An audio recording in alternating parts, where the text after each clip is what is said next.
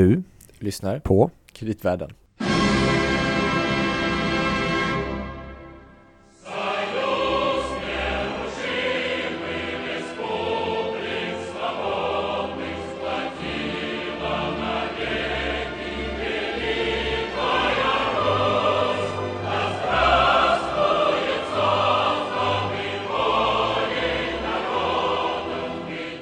Oj Louie, nu blev man rak i ryggen alltså. Wow, spännande. Hur ska det här året gå? Nej, jag vet inte. Och hur ska den här podden, vad ska den handla om tror du? Mycket Mm. intressant som vanligt. Mm. Men Louie Landeman Gabriel Bergin. mm. på Danske Bank. Jajamän, fortfarande. Mm. Fortfarande kreditanalys. Även detta år. Mm. Vissa saker är beständiga. Ja, som till exempel kreditvärlden. Och välkomna alla lyssnare till ett nytt år. Vi ska prata om allt möjligt från såklart kreditmarknaden via geopolitik och eh, kanske hållbarhet. Lite grann det här året också. Absolut. Mm. Jag är grymt laddad Gabriel. Det finns så mycket intressanta saker som vi har kvar att ta upp. Mm. Men de senaste två åren så har vi Mm. ändå inlett med ett Just det, det stämmer. Ja, Mm. lite geopolitik Mm. brukar vi inleda året med. Mm, de stora dragen på något sätt. Så även detta år. Mm. Eh, kommer du ihåg för några år sedan? Då pratade vi om Dr. Strangelove. Ja, ja Ja. det minns jag aldrig. Ja, vi återanknyter. Vi tänkte så här, i, vad gäller geopolitik och geopolitiska rys- risker så är det ju, på Försäga det. säga mig, så är det ju Ryssland en Ja, viktig aktör. Eh, vi har snuddat vid detta ämne tidigare men idag tänkte vi djupdyka Mm. i ämnet Ryssland. Mm. Och vi är väldigt glada för vi har en av Sveriges, skulle jag våga säga, främsta experter på Ryssland här, nämligen Martin Krag. Välkommen hit Martin. Tack så mycket, roligt att vara här. Och du är då, för de som inte vet det, så är du docent vid Centrum för Rysslands studier på Uppsala universitet och tillika chef för Utrikespolitiska institutets Rysslands och Eurasienprogram.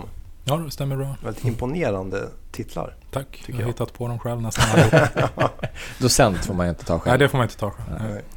Berätta om vad du gör i din forskning. Vardag. Um, ja, min bakgrund är eh, från Handelshögskolan i Stockholm.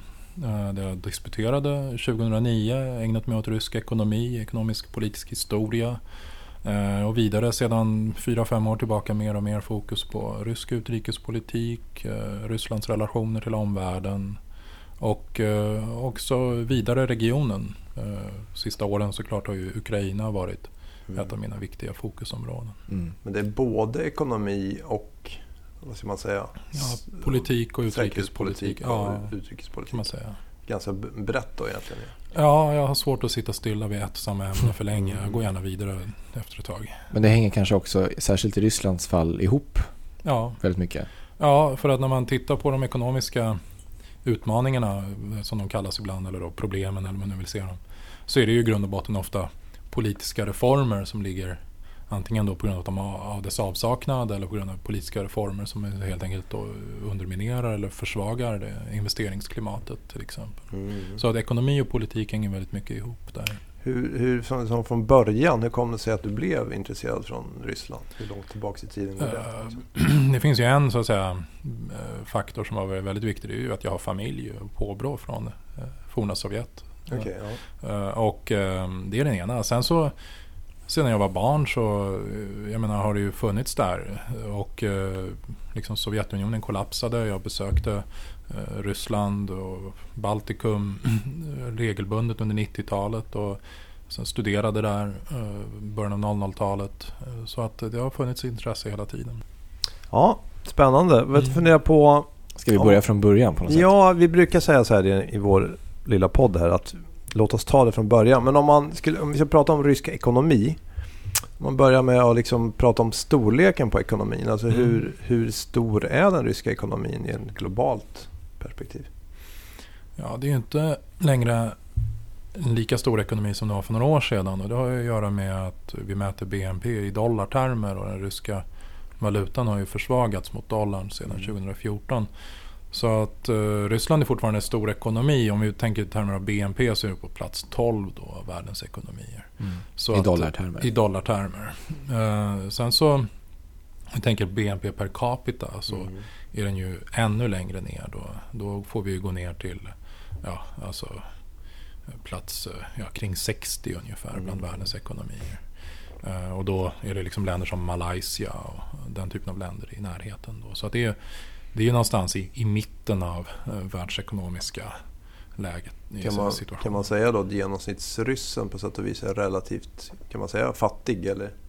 I jämförelse med oss, ja, men Mm. inte i jämförelse med andra stora, stora delar av världen. Nej, nej. Men ehm, eh, i, när man mäter BNP per capita i dollar så klart också kan vara väldigt missvisande för att du har då en ekonomi som Ryssland där valutan är så kopplad till oljepriset. Mm. Så att de ser ut, i dollartermer ser de väldigt ri- rikare eller fattigare ut beroende på hur världspriset på olja går. eh, Liksom går.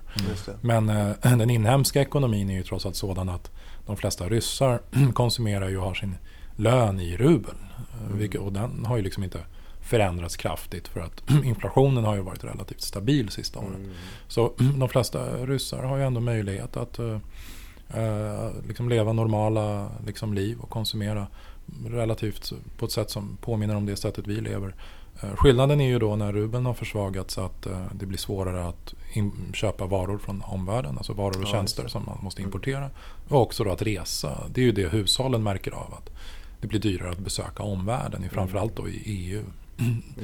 Ehm, så att eh, det är klart att det är så att de har påverkats av senaste årens negativa ekonomiska utveckling då på det sättet.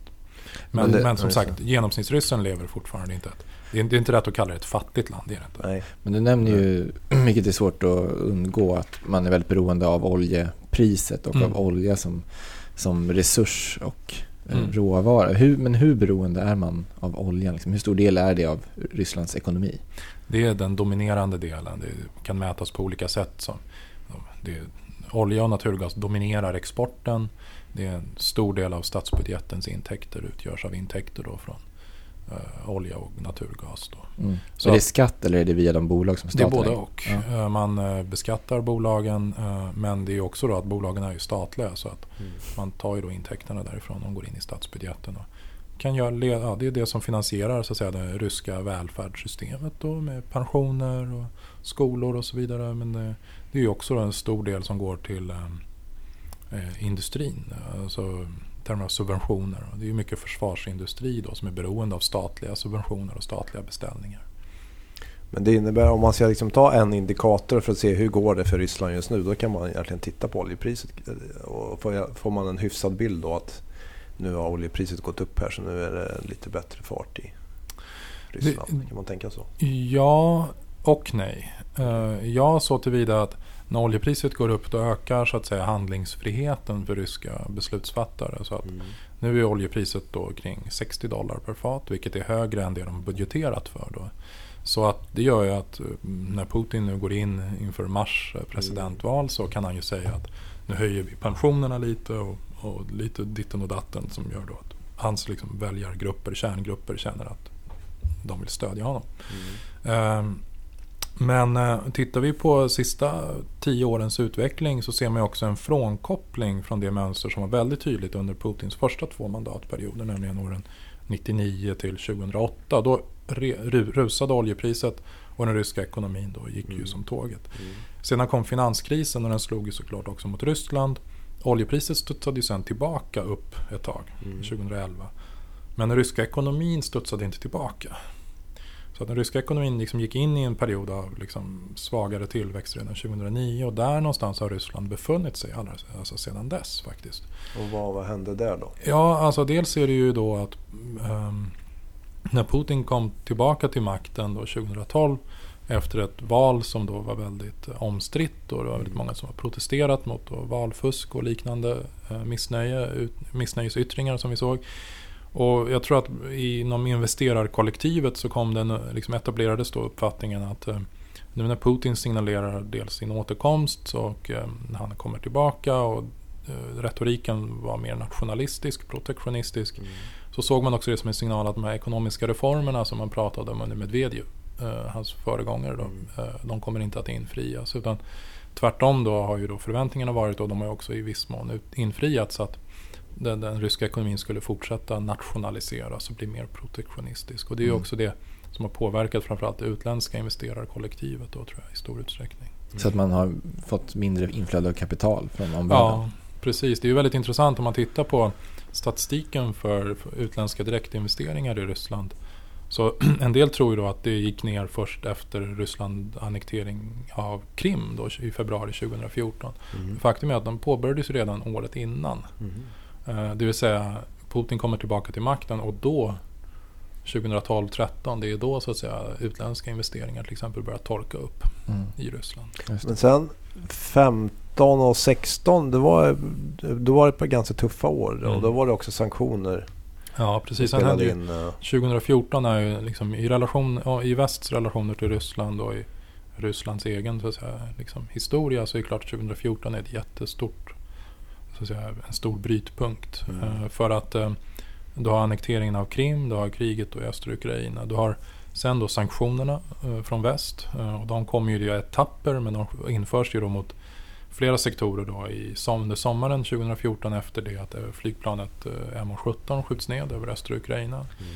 Och ehm, sen så följs det också under hösten av att oljepriset sjunker kraftigt på grund av det. Flera faktorer. Dels att omvärlden går in i en viss svacka men också på grund av den amerikanska skifferoljan då som börjar komma ut på världsmarknaden. Mm. Och eh, all, de här tre faktorerna då, geopolitiska risken, eh, sanktionerna och oljepriset. Och det är ju tre massiva slag mot den ryska ekonomin såklart. Så 14, 15, 16 var år då den ryska ekonomin hade att eh, ja, man har Det var recession. Det var, en, det var en recession. Eh, företagen har fokuserat på att eh, betala av sina skulder. Du fick ju så kallad, vad man brukar kalla balansräkningsrecession. Eh, recession. Mm. det vill säga när, företag, när alla företag samtidigt försöker fokusera på att liksom minimera sin skuldsättning och Mm. Betala tillbaka utländska krediter då som har blivit mycket dyrare och så vidare. Då, går ju, då, får, då liksom får en balansräkningsrecession så tillvida att liksom inga företag investerar, inga företag anställer. Hushållen samma sak. Eh, alla vill minimera risk, minimera skuld, Så exponering. Kredit, och då, kreditkontraktion. ja, en helt enkelt kredit, Mm. klassisk så här, vixeliansk Mm. eh, Mm. kumulativ effekt då, som han Mm. hade kallat det för hundra år sedan. Och det, det har vi definitivt sett i ryska ekonomin. Mm. Eh, och sen så har ju då den ryska statsbudgeten börjat plana ut och balanseras. Man har sänkt liksom utlägg på Först på så att säga, välfärdens kärna, det vi kallar det i Sverige. Alltså pensioner och utbildning, alltså skolor och sånt där. Mm. Och, och 2016-17 då så mm, inför 2018 har man också något då minskat eh, utläggen på säkerhet. Intern och extern säkerhet, alltså försvar, försvarsindustri och så. Mm. Så att ehm, Men sen Det- 17 liten återhämtning då eller? ja, så att du har en viss tillväxt. Den ligger kring eh, de officiella siffrorna 1%, 1,5, Mm. kanske 2 något kvartal. Ehm, Mm. Mm. Det är ju i jämförelse med situationen för 10-15 år sedan såklart mycket lägre Mm. än någon hade liksom velat se. Men eh, det hänger ihop med de här, alla de här olika chockerna, faktorerna vi pratade om då alldeles Mm. nyss. Men är det oljebranschen som återhämtar sig lite som gör att tillväxten kommer tillbaka? Eller? Oljebranschen faktiskt intressant nog har lyckats hantera de senaste årens kris eh, bättre än många andra sektorer. Och det har att göra med hur skattesystemet är utformat bland annat. Ehm, Det är så att du har en väldigt, progr- du har en väldigt progressivitet i beskattningen på vinster på de här företagen i Ryssland när oljepriserna är höga och de går upp. Men när oljepriserna sjunker, ja, då, då får du den motsatta Mm. effekten. Så deras så att säga, ehm, balansräkningar har liksom förbättrats. Och sen så är det ju också så att eh, de har ju stor del av sina kostnader i rubel, men intäkterna i dollar. Mm. Och det gör ju också lättare att hantera. De blir mindre exponerade för, Mm, Just det. som företag betraktat blir de ju mindre exponerade för eh, svängningarna i oljepriset. Det. för att rubeln anpassar sig. Mm. Så egentligen är det dubbel smäll för staten men okej Staten- för bolagen? Staten övertar risken för ett lägre oljepris Mm. i sån situation. Eh, och sen så är det ju då andra som också har fått betala för det här då klart. eh, priset på bensin och eh, ja, ja, Mm. naturgas som då många förut, de flesta företag och hushåll har för att värma upp hus och så vidare. De, de kostnaderna har gått upp då. Det har man också kompenserat på det Vi sättet. pratade lite tidigare om hur hushållen har det. För de har väl fått det egentligen sämre i genomsnitt under de här senaste åren. Ja men så är det ju. Kan man säga. Ja det är ju för att det är liksom mycket av det här vi betraktar som liksom roliga, trevliga vardagskonsumtionsföremålen är ju importerade. Mm. Och det gör ju att de har blivit relativt sett mycket dyrare då för ryssar. Och sen så har du haft då en reallöneutveckling då som har varit stabil mm, eller negativ. Mm. Så att um, för många hushåll har det blivit sämre. Um, Är det här problematiskt uh, alltså för, om man säger för regimen? Att man, eller tycker man att Det, jag det är att det inte spelar någon USAs roll. fel. Men, uh, jaha, nej, men liksom hur man... Sen kanske det beror på fo- folk som bor i städer versus landsbygden också. Ja. Hur man, ja, det är ju väldigt segmenterat. Alltså, ojämlikheten i Ryssland är ju ofta mycket starkare än många tror. Eller liksom tänker på. Vi tänker liksom att ja, Sverige, om vi tänker kring Sverige så människor har det ungefär lika över nästan hela landet. Det är ju klart att det finns skillnader mellan storstad och landsbygd också i Sverige. Men de är i jämförelse med Ryssland negligerbara. Um, du har en fjärdedel eller en femtedel av befolkningen som lever kvar på landsbygden.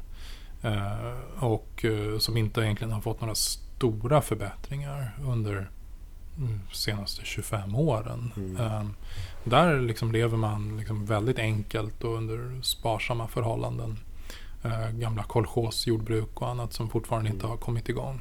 Och Men kunnat reformeras. elektricitet och sånt där, hur är det med Ja, det, de flesta, ja, majoritetsbefolkningen har ju såklart tillgång till liksom grundläggande infrastruktur och så. Men eh, du har ju liksom avbefolkningsorter och så vidare. Där är det ju tufft. Mm. Eh, sen så har du liksom den här medelgruppen då som vi i Sverige skulle kalla medelklass. Men i, men i Ryssland liksom är deras medelklass då ekonomiskt och på andra sätt då inte lika stark. Och de många är ju också då som jobbar inom industrin. De jobbar ju inom företag som byggdes upp under Sovjettiden. Eh, som ligger, de tar industrierna i liksom Uralregionen, i västra Sibirien.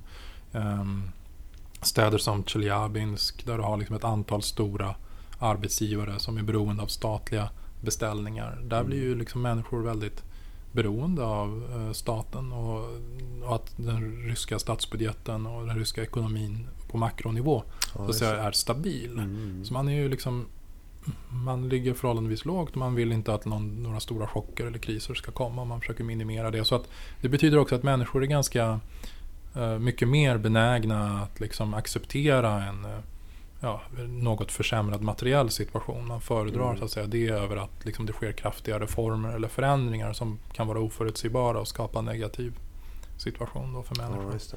Så att det är ju det ena. Och sen så har du liksom storstäderna. Det är ju egentligen Moskva och i viss mån Sankt Petersburg som funnits att dominera då ekonomiskt och politiskt.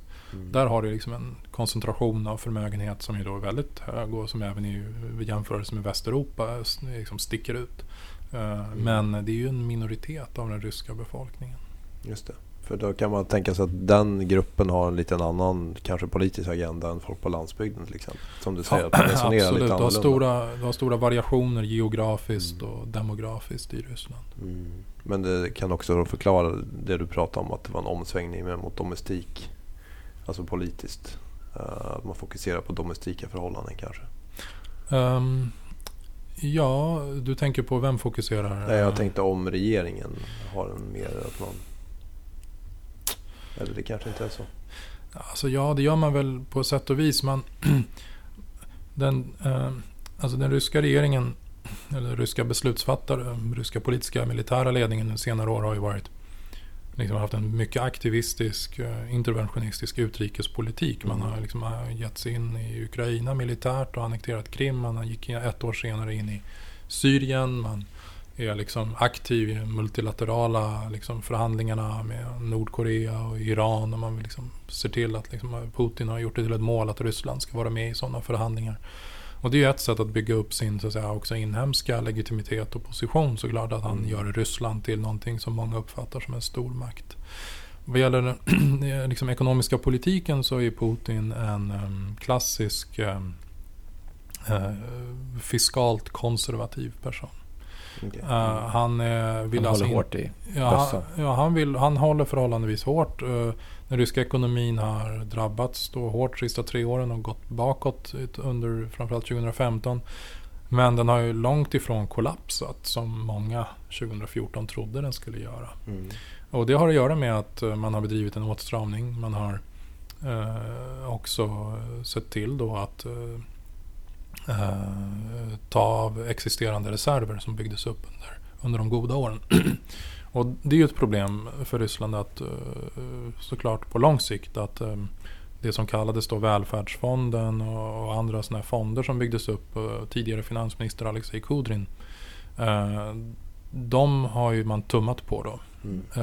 och det är ju framtida pensioner egentligen mm. som de här pengarna var tänkta för framförallt. Ja, och det är ett problem. för att om oljepriset inte går upp så blir det svårt att bygga upp de här fonderna igen. under nuvarande då, mm. förhållanden. Men, ehm, men är de så att säga man, öronmärkta eller utlovade till pensionärer? Eller det var tanken. Ja. Sen så har ju liksom regeringen har alltid liksom diskretion. Då. Det är liksom, de kan ju fatta de här besluten. Då. Mm. Att använda dem för andra och då ändamål. Och det har ju varit då att hantera budgetunderskott och, och så. Eh, och men, var det även de pengarna? Jag tänkte under finanskrisen när den var som mest akut så var det väl ett antal banker till exempel som man sa att de här är systemviktiga och de måste vi skydda med ja. statliga pengar och sådär. Ja, och det är ju nästan alltid att fråga om statliga banker också till mm. att börja med. Men eh, den ryska centralbanken, eh, om vi pratar om den ryska banksektorn så är det rätt intressant. Då har ju, från 90-talet då har det ett arv av sådana här små banker som ingen, ingen vet vem som äger dem. Eh, de liksom, vad de bedriver för verksamhet och så vidare. Liksom När oligarkerna släpptes fritt så att säga, eller? Ja, precis. Från den här enorma liksom, vågen av oreglerad, ohämmad liksom, kapitalism. Då vem som helst kunde starta en bank och det fanns inga regler för liksom, hur det skulle regleras. Och, liksom, det fanns inte ens en konkurslagstiftning på plats och så vidare. Nu har du ju liksom en centralbank som är en av de här systemviktiga liksom, aktörerna inom det finansiella systemet i Ryssland. De, eh, under Nabiulina då, som är en mycket respekterad centralbankschef, även då i väst, en av de här betraktas som en av de här liberala eh, beslutsfattarna då, i liksom det ryska maktsystemet. De, eh, de, har ju under senare år också rensat upp då i det här gyttret av små banker och små kreditinstitut som då har betraktats som problematiska. Då. Så och, att mindre banker kanske har fått i vissa fall gå i konkurs? Och ja, man har helt tagit bort deras ja. oktrojer då. Och okay, de får inte längre bedriva bankverksamhet. Och, och, det är en upprensning som egentligen är önskvärd skulle jag vilja hävda. Sen finns det alltid problem när du har liksom ett system som i grund och botten inte är så transparent och man inte liksom, det, det liksom kan ske ibland saker på ad hoc nivå och ibland kan man undra är det här politiskt eller inte politiskt motiverat. Men det spelar ingen roll. Det, du kan inte ha ett system med flera hundra småbanker där, liksom, som bedrivs från folks eh, liksom, bakficka i praktiken. Uh, så att uh, det är på sätt och vis bra. Det är en del av den här upprensningen, uppstramningen av det finansiella systemet. Det andra är ju då att liksom skjuta in likviditet i det finansiella systemet. Mm. Det har man gjort då också via reserv, reserverna i dollar och euro som man har haft. Då. Och att uh, hålla upp då de här stora systemviktiga bankerna. Mm. Men de där reserverna, eller de, hur, mycket, hur ser de ut nu? Jag har ingen siffra i huvudet men... Eh, oljepriset faller igen till exempel? Ja, men de byggs hela tiden. Det kommer hela tiden in nya eh, medel också in i de här reservfonderna. Mm. Um, så att de har sjunkit något. Um, de var liksom för fyra år sedan kanske. Uh, du hade liksom, om du hade 500-600 miljarder dollar i någon centralbanksreserv så är det liksom kraftigt mindre men det är inte noll. Inte mm. heller. Kan man säga att ryska banksektorn som helhet är den i hyfsat skick då efter det här? Eller är det fortfarande mycket problemlån? Alltså jag, jag, skulle inte ta gift på något av det här. Liksom. Eh, men eh, den har ju den har bevisligen klarat sig mycket bättre än man trodde. Mm. Många trodde 2014. Uh, och det har att göra med att staten har kunnat injicera likviditet och att de har kunnat också då få likviditet för att betala av skuldsättning i utländsk valuta. Det. det var också en central då aspekt av mm. den ekonomiska politiken 2014-15. Um, ehm, för att med sanktionerna så ökade det osäkerheten. Bankerna kunde inte längre återfinansiera sina lån på den utländska kreditmarknaden. Mm. De är utestängda. Det betyder att all återbetalning av existerande skulder mm. måste genereras med inhemska resurser. Mm. Och bankerna i Luxemburg och i Schweiz och i Sverige de vill ju inte ha betalt i rubel. De vill ju ha betalt i det som står i kontraktet mm. vilket är dollar eller euro. Och det var ju liksom en stor utmaning mm. såklart att få fram det. Men, men Riksbanken eller ryska centralbanken då har, har då sett till att förse bankerna med tillräckligt mycket likviditet. Då men då har man ju ändå prioriterat det här som du säger med återbetalning av lån. Man ja. skulle kunna också säga att Men då defaultar vi på Mm. utländska lån. Men det är...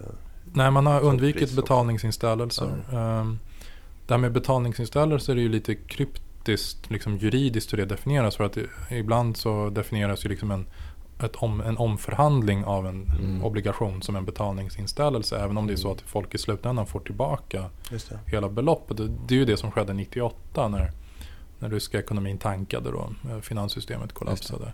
Eh, I slutändan så om jag inte helt felinformerad har man ju ändå omförhandlat de, liksom nästan, i praktiken tror jag alla lån och folk Mm. fick till slut betalt men försenat och Ja, kanske med en lägre ränta eller kompkupongen. Mm. Så.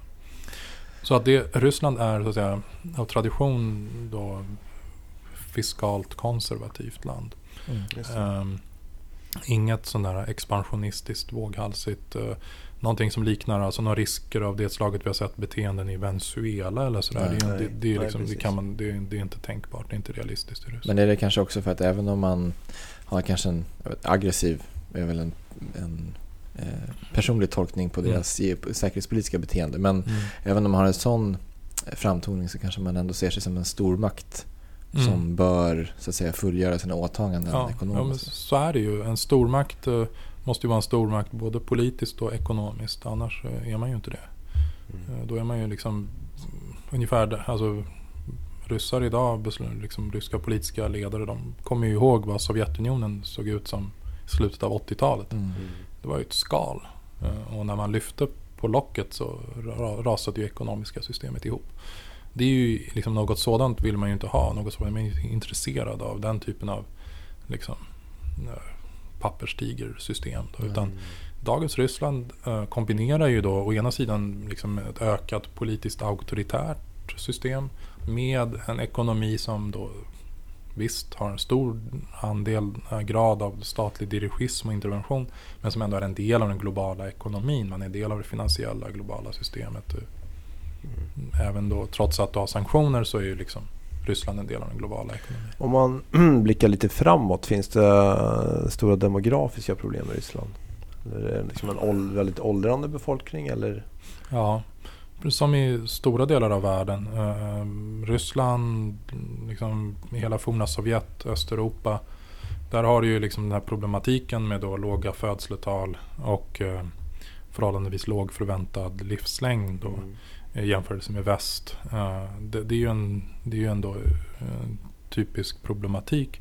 Eh, vi har en liknande situation i väst med en åldrande, men där är ju liksom vår befolkning blir å andra sidan mycket äldre och kan också å andra sidan jobba längre.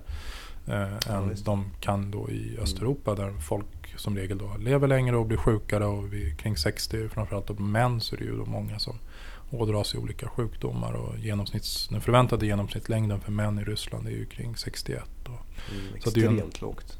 Ja, det är ofta hjärt och kärlproblem som då mm, tar, eh, avslutar livet för många då, i förtid. Mm. Men hur är, du nämnde att det fanns förväntningar på reformer under Medvedev.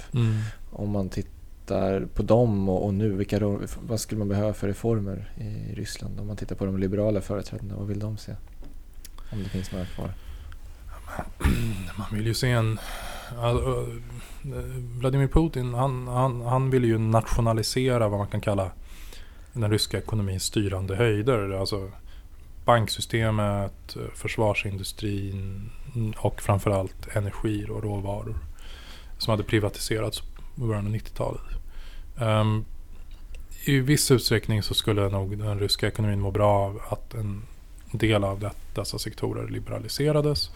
Men framförallt så handlar det också om att låta nya sektorer växa och frodas. Ehm, eh, före 1991 så liksom hade du ju nästan ingen servicesektor att prata om i Sovjetsystemet.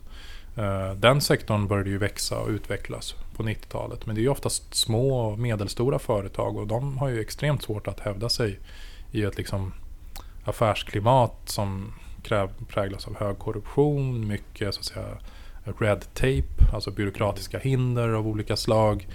Eh, osäkerhet över äganderätter och så vidare. Alltså människor drar sig för att göra investeringar för att du vet inte om du får behålla dessa i morgon eller om en vecka från nu.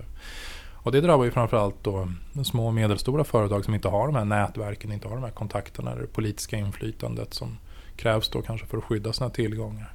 Så att i grund och botten handlar det om antikorruptionsarbete och det handlar om då politiska reformer, att mm, minska byråkratins makt och så vidare. Och det är ju i grund och botten stora smärtsamma politiska omställningar som landet skulle behöva gå genomgå. Då. Väldigt många av de som har berikat sig under Vladimir Putin skulle få det sämre. Ja. och det är ju det liksom det handlar om. Men i praktiken politiskt. har det kanske snarare, har liksom rättssäkerheten har vi knappast förbättrats. Nej. Utan snarare tvärtom kanske eller? Den jag tänker har... om man ska attrahera också som du sa tidigare utländskt mm. kapital till exempel. Mm. Så. Nej, tittar man på utländska direktinvesteringar så har de då eh, sjunkit väldigt mycket de sista fem åren till Ryssland. Mm. Och eh, eh, de företag som fanns på plats redan vid denna tidpunkt, de kanske inte har lämnat Ryssland. Men man ser att man återinvesterar inte vinster längre utan man tar hem dem istället. Mm. Så att man kan se att liksom, om man tittar på investerarkollektivet på någon typ av makronivå så kan man säga att beteendet tenderar att vara riskminimerande. Mm. Det är ingen som i dagsläget tror på Ryssland. Uh, däremot så kanske man inte lämnar Ryssland heller helt. Då, för att många kanske ändå förväntar sig att runt hörnet kan det komma en mm. vändning. Men nu kommer ju Putin ställa upp för omval igen uh, i mars. Uh, och um, händer ingenting väldigt, väldigt oförutsägbart. Alltså, sjukdom eller något sånt där som liksom visar sig. Då mm. kommer han ju sitta i sex år till. Mm. Mm. Det är intressant för att vi har ju flera finska bolag som vi följer Gabriel. Mm. Fastighet och bygg. Och de är ju precis som du säger att de, flera av dem är ju närvarande i Ryssland men har ju ingen tendens att kanske göra några nya investeringar utan snarare att man antingen mm. minskar ner eller liksom är kvar med det man har tidigare investerat. Så det bekräftar ju precis den bilden. Ja, det är den bilden man får när man tittar på många sektorer. Det mm. finns ett par få sektorer som har gynnats av liksom, att rubeln har sjunkit i värde till exempel gentemot dollar och eh, euro. Det, det, är ju till exempel eh, skogsindustrin mm, som exporterar sina produkter till väst eller till Japan eller någon mm. annanstans, till Kina. Eh, de har ju liksom en gynnsam kostnadsstruktur för deras mm. kostnader är i rubel mm. Och deras intäkter i utländsk valuta. Mm. Men det är ju liksom en li, det är, det är mindre del av, av så att säga den totala företagspopulationen. Mm. Och de flesta företag är ju den här mer eh, problematiska situationen. Ja, man liksom drar sig tillbaka, minimerar risk. Och man kan, kan man säga så att sektorer som är mer beroende av eh, så att säga, inhemsk konsumtion, att då har man det lite tuffare kanske? Ja, det är tuffare. Um, samtidigt har ju ryska myndigheter då försökt stimulera utländska företag att göra investeringar liksom i anläggningstillgångar och bygga upp produktion i Ryssland. Mm. Och det har vi också att göra med den här mer protektionistiska ekonomiska politiken. De kallar det en slags eh, importsubstitutionspolitik där de vill ha identifierat ett antal sektorer och de säger att ja, företag då, som de säger till företag att vill ni komma i anspråk för till exempel offentlig upphandling i framtiden, då måste liksom en del eller hela produktionen ske i Ryssland. Då. Mm. Och då får ju liksom fordonstillverkare eller tillverkare av liksom medicinska produkter och annat då, ta ställning till om man, om man tycker det är värt det då, ja, eller inte. Och det, där kan säkert bedömningarna variera. Um, och man, man är ju inte heller säker på, kommer den här politiken man nu har slagit in på, kommer den gälla om tio år från nu?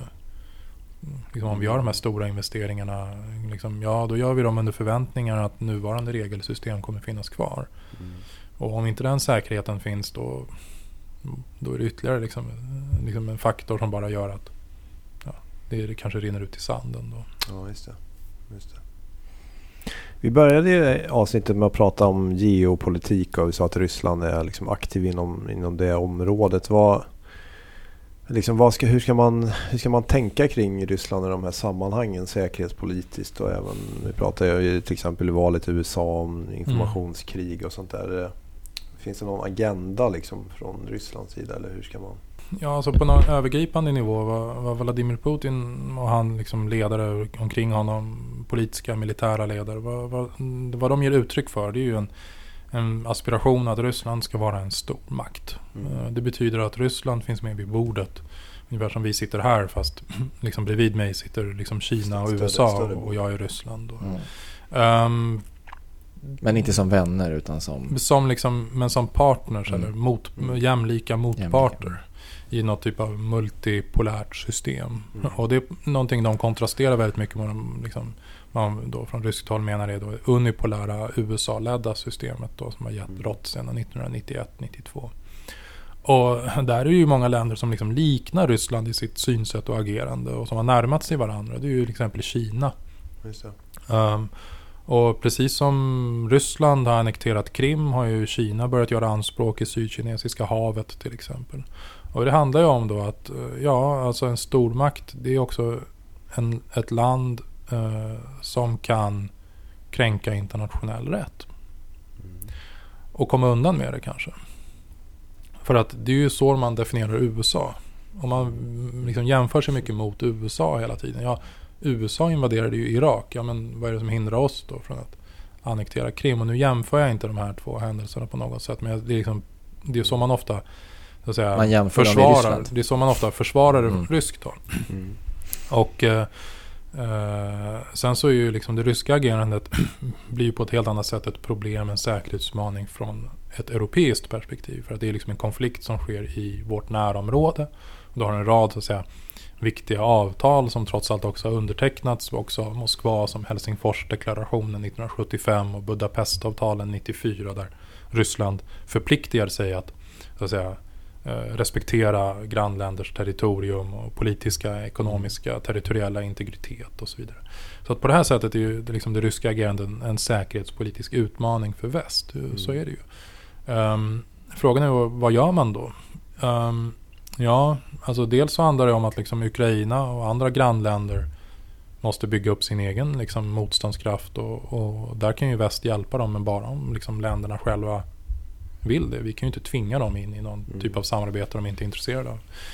Eh, sen så handlar det om att liksom, sanktionerna då, de finns ju inte till för skojs skull utan det är ju liksom ett av de påtryckningsmedel som finns i den inom internationell rätt Mm. för att tvinga fram en diplomatisk fredlig lösning Mm. på den här konflikten.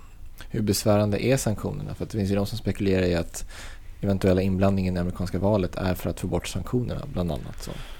Ja, precis. Alltså, det har ju varit mycket sån här man försöker liksom läsa liksom kaffesumpen i botten på koppen just, eller kremlologi helt enkelt. Och Liksom, för att vi vet ju väldigt lite i grund och botten fortfarande kring alltså hur man liksom tänker på djupet om saker i Kreml. Hur Putin tänker om världen. Vi kan se hans agerande, det är liksom, liksom är konsistent, det är liksom över tid så att säga. Vi kan liksom se en viss förutsägbarhet men det betyder inte att vi alltid förstår bevekelsegrunderna eller liksom exakt hur man tänker och så motiven. Men om vi pratar om det amerikanska valet och den ryska inblandning som skedde där så ryska oberoende journalister som då har undersökt det här, de menar att det var ett, en reaktion från Ryssland på det faktum att eh, man eh, då för ett år sedan ungefär i världspressen avslöjade de här eh, Panama Papers. Mm.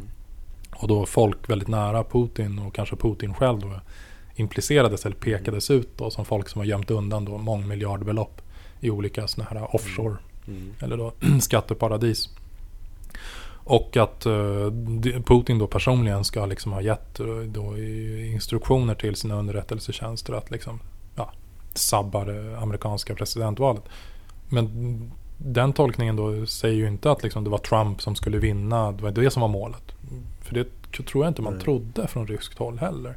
Det här var ju en underdog. Utan det handlade kanske i sådana fall bara om att skada och kasta in grus i maskineriet. Få, få det amerikanska demokratiska systemet att se att se Svagt. liksom Mm. svagt ut och illa fungerande och korrumperat ut. Och det var ju framförallt den bilden som etablerades av Hillary Clinton också. Just det. Men är, gäller det bara i USA? Därför att jag har förstått att man även har, verkar som man finansierar till exempel från National i Ja. Frankrike och liknande i, andra, i olika europeiska länder. Så att i Europa så om vi tittar de senaste åren då så har ju liksom, vi hade franska presidentvalet och det tyska 2017 och vi har i år då ja, det ryska men, eh, och, och det svenska och då har det ju diskuterats då kommer Ryssland försöka upprepa det här då. Liksom, och det, I Frankrike så då eh, skedde det en del så vi kunde se. Det var liksom e-postgrejer. Liksom, det hade ingen effekt och ingen som brydde sig. Det var liksom inte, hade inga konstigt, det liksom, verkade inte finnas något av intresse där för media. Och media var helt ointresserade dessutom. Mm. Ehm, I Tyskland så såg man in, nästan ingenting av det slaget som, på den nivå som vi då sett i USA till exempel. Ehm, som du säger, eh, I EU så har Ryssland framförallt då haft eh, en annan eh, metod och det handlar ju om att det finns politiska partier som man kan knyta an till. Ja, det. Och, och, det går ju tillbaka då till att vi i Västeuropa har ett liksom mycket, en mycket större så att säga, flora av mm. politiska partier. Så liksom, du kan nästan alltid hitta något parti Oavsett, även om det bara är några få procent då i, eh, i något land som röstar på dem. Mm. Så, så kan du hitta några som kanske stöttar, som då sympatiserar med den ryska positionen. Ja, liksom stödjer annekteringen av Krim till exempel.